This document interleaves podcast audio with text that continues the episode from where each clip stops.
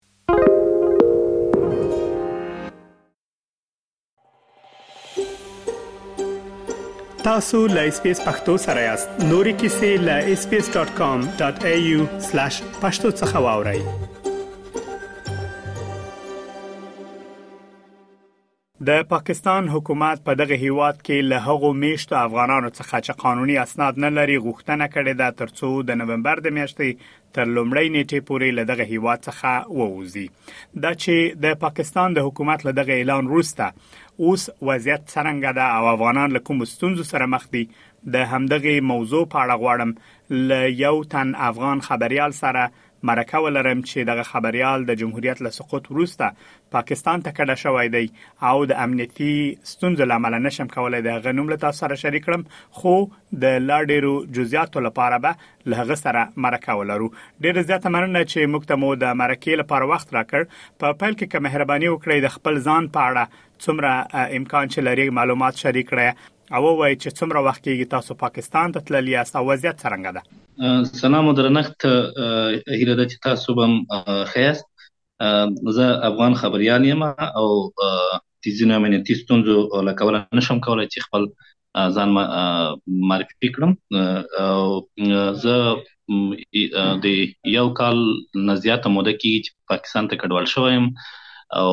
دلته پاکستان کې له ګڼو ستونزو سره زه مخ یم هغه حتی که د ځای د اوسېدو وي که د ویزې د تمدید وي او تر څنګ یې موږ هغه صحي امکاناتو ته چې اړتیا لرو هغه ته موږ لاسرسی نه لرو او ځینې نور موارد هم دي مثلا موږ که وغواړو چې دلته کار وکړو د کار زمینه نه ده نشته ده. او په غنو نور مشکلاتو ورځ په ورځ موږ سره مخ کیږو زه خپل شخصا په دې دومره مده کې کیږي یعنی هر هر ورځ دا کوشش کوم چې ځان ته قناعت ورکړم چې دغه ستونزې به نن حل کیږي بل ورځ به حل کیږي خو تر اوسه زموږ ستونزې دا چې هر هر شي نور هم زیاتې شوې دي زما په شمول دلته ګڼ شمېر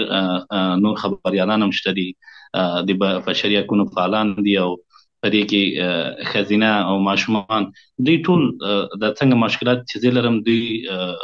زما څخه دوی زیات سره مخ دي ځکه کولای شو چې وایي چې ماشومان دلته دوی هغه زده کړو ته لاسرسی نه لري دوی د هغه څه چې دوی غواړي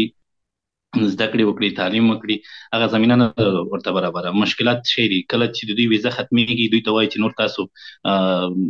نشي کولای چې زده کړو ته ادامه ورکړي هغه ویزه چې تمدیديږي دوه میاشتې درې میاشتې وخت نیسي دوی د زده کړو نه د هر څه نه لري پاتې کیږي او دا په دې باندې په دوی باندې ډیر بد اغیز کوي ترڅنګ د خزینه او مشکلات ته کوم تاثیر شو دی دلته لګنو صحي مشکلات سره مخ دي دوی توان مالی کوم توان نه لري نه کوم د څوک شي چې دوی سره څوک مرسته وکړي یعنی ورځ پر ورځ دې ستونزې زیاتېږي زه د ډیرو سره په تماس کې دي ټول همدغه مشکلات وکړي زه خپل شخصا د اقتصادي ستونزو نه نیولې تر نورو مشکلاتو پورې ورځ په ورځ مخته کې مخ کېږم ځکه دلته ماته کار د کار اجازه نشته ځکه اسناد هم ولرم بیا ماته د کډوال په سترګه باندې ګوري او دوی زما سره هغه شان برخورد کوي چې یعنې زه نشم ولی چې تاسو ته په کومه ژبه د کار زموږ سره واقعا ظلم کېږي ځینې موارد شته چې زموږ سره حسناد هم په لاس کې ویزې هم زموږ سره په لاس کې پاسپورټ هم لرو بیا هم دوی زموږ څخه همغه په یو نوم او په بل نوم موږ زوري او بهانه راته کوي په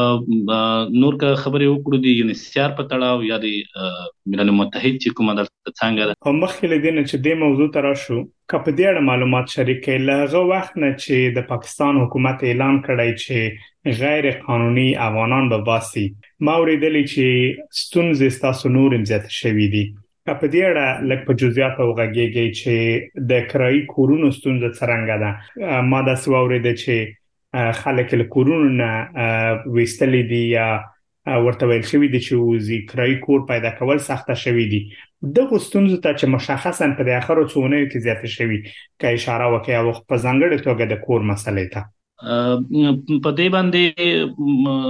زه به دا ووایم چې زموږ سره نږدې دلته زموږ ځینې همسایګان وو دوی په تیر حکومت حکومت کې کار کړی وو د دوی ژوند په خطر کې وو دغه درې ورځې مخکې دوی د کورونو نه ویستل او ورته ویل چې تاسو ویزه نه لرئ او حتی دوی ډیر زیات په ویره کې وو هغه پرنی غړي چې ورسره ورسره خبرې مې وکړې دی ول چې که زه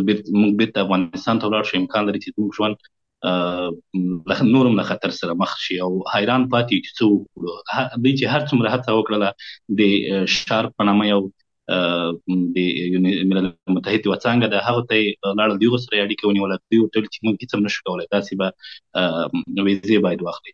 دوی دوی وتل چې تاسو خو یو ټکن مختره کړی دا په دې باندې باید مخته اجازه راکړي خو دا ستونزه ورځ په ورځ زیاتېږي دغه نن هم زموږ درې همکاران وو چې دوی په ګیسټ هاوس کې اوسېدل د دوی ویزې ختمې شوې وې دوی د هغه ځای نه وایستل او هیڅ چا ته هم دغه کوم تاریخ چې دوی اعلان کړی دی هغه ورځ نه بعد هر هغه افغان چې راځي کډوال دلته که دوی ویزه نه لري نه د اوسېدو ځای ورکوي هغه که ګیسټ هاوس وي که کور وي نه ورکوي او ډیر کسان چې ما تاسو ته یادونه وکړه چې زموږ همسایګان وو دوی په تیر جمهوریت کې کار کړی وو دوی د کورونو نه ویستل او دوی به افغانستان ته ځي او هلته دا واضح ده چې د تیر جمهوریت کې چې چا کار کړی دوی به د خطر سره مخ کیږي نو دغه یو مشکل ده چې ورځ په ورځ زیاتیږي او هیڅ هیڅ افغان ته چې کډوالي چې اسناد ونه لري حتی د ځینې د یونیسیار اسناد هم لري دوی ته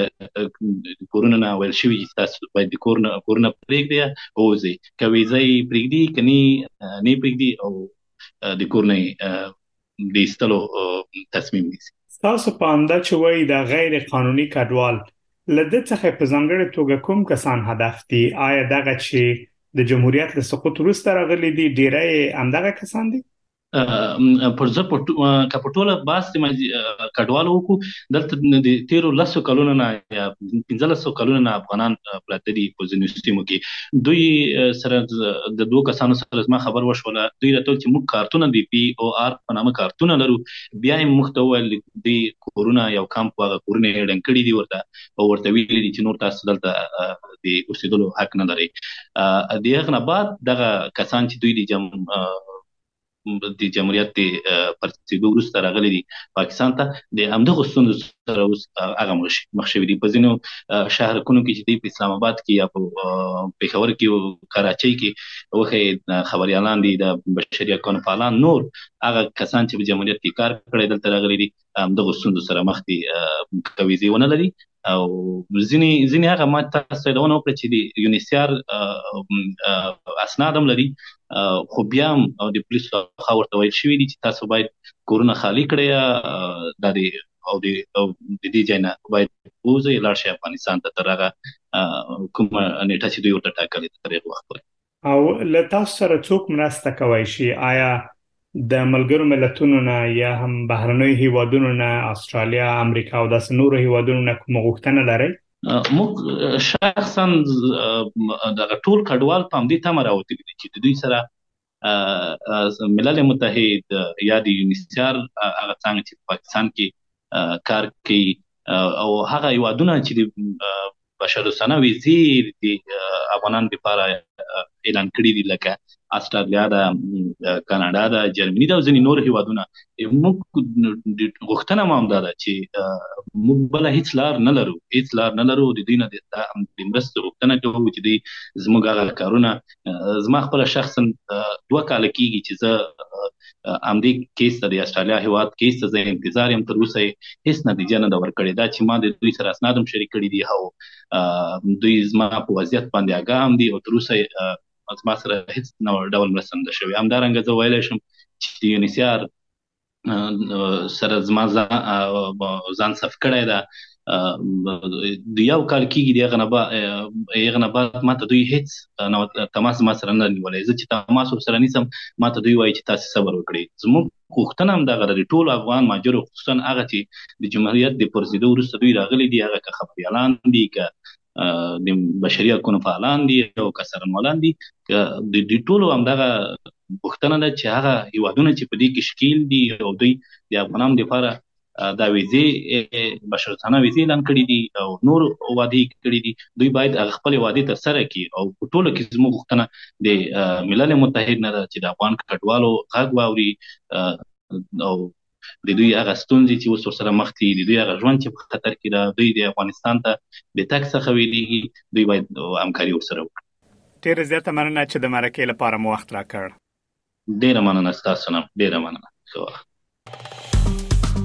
که غواړئ دغه سنوري کیسې هم او رینو د خپل پودکاسټ ګوګل پودکاسټ یا هم د خپل خاكي پر پودکاسټ یو اورئ